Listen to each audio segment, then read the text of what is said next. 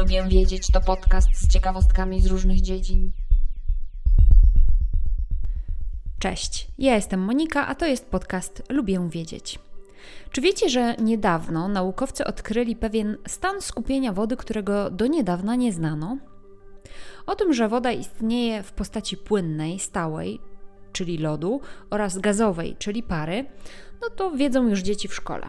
Ale niedawno naukowcy odkryli taką odmianę krystalograficzną wody, która nosi nazwę superjoniczna woda lub superjoniczny lód, czy też nadjoniczna woda lub nadjoniczny lód. Ta odmiana występuje w naturze stosunkowo rzadko, bo do jej powstania są potrzebne ekstremalnie wysoka temperatura i ekstremalnie wysokie ciśnienie. O tym, jakie właściwości ma taki superjoniczny lód, za chwilę Wam powiem, ale najpierw opowiem o tym, co to za stan skupienia.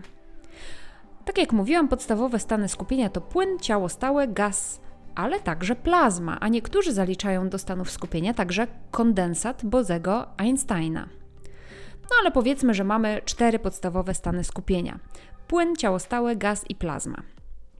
Jednak okazuje się, że woda w postaci stałej, czyli w postaci lodu, ma kilkanaście odmian polimorficznych. Czym są odmiany polimorficzne?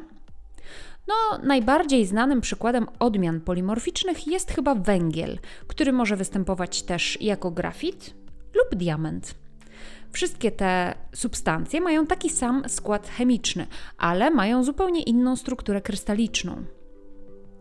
Ta struktura krystaliczna wpływa na ich fizyczne właściwości. Grafit jest bardzo miękkim materiałem, używany w ołówkach ściera się bardzo łatwo, dzięki czemu ołówek zostawia na papierze ślad.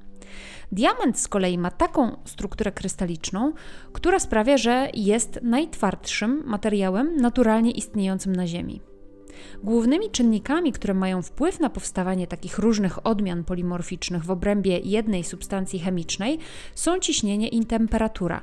To one sprawiają, że atomy inaczej ustawiają się w substancji, a to wpływa na ich fizyczne właściwości. I tak samo jest właśnie w przypadku odmian lodu, w tym nowego lodu superjonicznego. Ich powstanie, tych różnych odmian polimorficznych, tak samo jak i powstanie lodu superjonicznego, zależy od wysokości ciśnienia. Różne odmiany polimorficzne lodu oznaczane są cyframi rzymskimi, czyli przykład lód 1, lód 2, lód 3 itd. itd. W różnym zakresie ciśnień można wyróżnić co najmniej 18 odmian polimorficznych lodu i wszystkie one są oznaczane cyframi rzymskimi. Ta nowo odkryta odmiana lodu to lód 18 w zapisie rzymskim. Ja będę go nazywać lodem superjonicznym, bo też taką nazwę nadano mu w artykułach opisujących opublikowane wyniki badań naukowych. W lodzie superjonicznym cząsteczka wody, czyli H2O, rozbija się i jony tlenu tworzą krystaliczną klatkę a jony wodoru w tej klatce się swobodnie unoszą. Teoretycznie lód superjoniczny to technicznie lód, ale jest w pewnym sensie też cieczą i ciałem stałym w jednym, bo te swobodnie poruszające się jony wodoru sprawiają, że woda superjoniczna te swobodnie poruszające się jony wodoru sprawiają, że woda superjoniczna, czy też lód superjoniczny ma właściwości przewodzące prawie takie same jak większość metali, co czyni ją przewodnikiem superjonowym, superjonicznym. W teorii domyślano się tej nowej odmiany polimorficznej od dawna, ale dopiero w latach 90. XX wieku pojawiły się pierwsze eksperymentalne dowody dotyczące tej wody superjonicznej. Wstępne dowody pochodziły z pomiarów optycznych wody nagrzanej laserem w diamentowej klatce oraz z pomiarów optycznych wody traktowanej niezwykle silnymi laserami. Pierwsze dowody na strukturę krystaliczną sieci tlenowej w wodzie superjonicznej pochodzą z badań laboratoryjnych opublikowanych w 2019 roku. Wtedy to naukowcy z Lawrence Livermore National Laboratory byli w stanie syntetyzować lód superjoniczny, potwierdzając, że jest on prawie 4 razy gęstszy niż normalny lód, no i pozostawał w formie stałej przy tysiącach stopni gorąca. Taki stan udało się wykreować wyłącznie przy ekstremalnie wysokim ciśnieniu.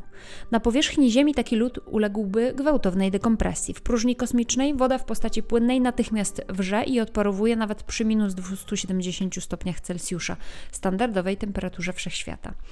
Tymczasem w środowiskach o ekstremalnie wysokim ciśnieniu dzieje się odwrotnie. Woda krzepnie nawet w ekstremalnie wysokich temperaturach. O jakich wartościach mówimy? No więc próbka wody musi zostać poddana ciśnieniu co najmniej 20 gigapaskali.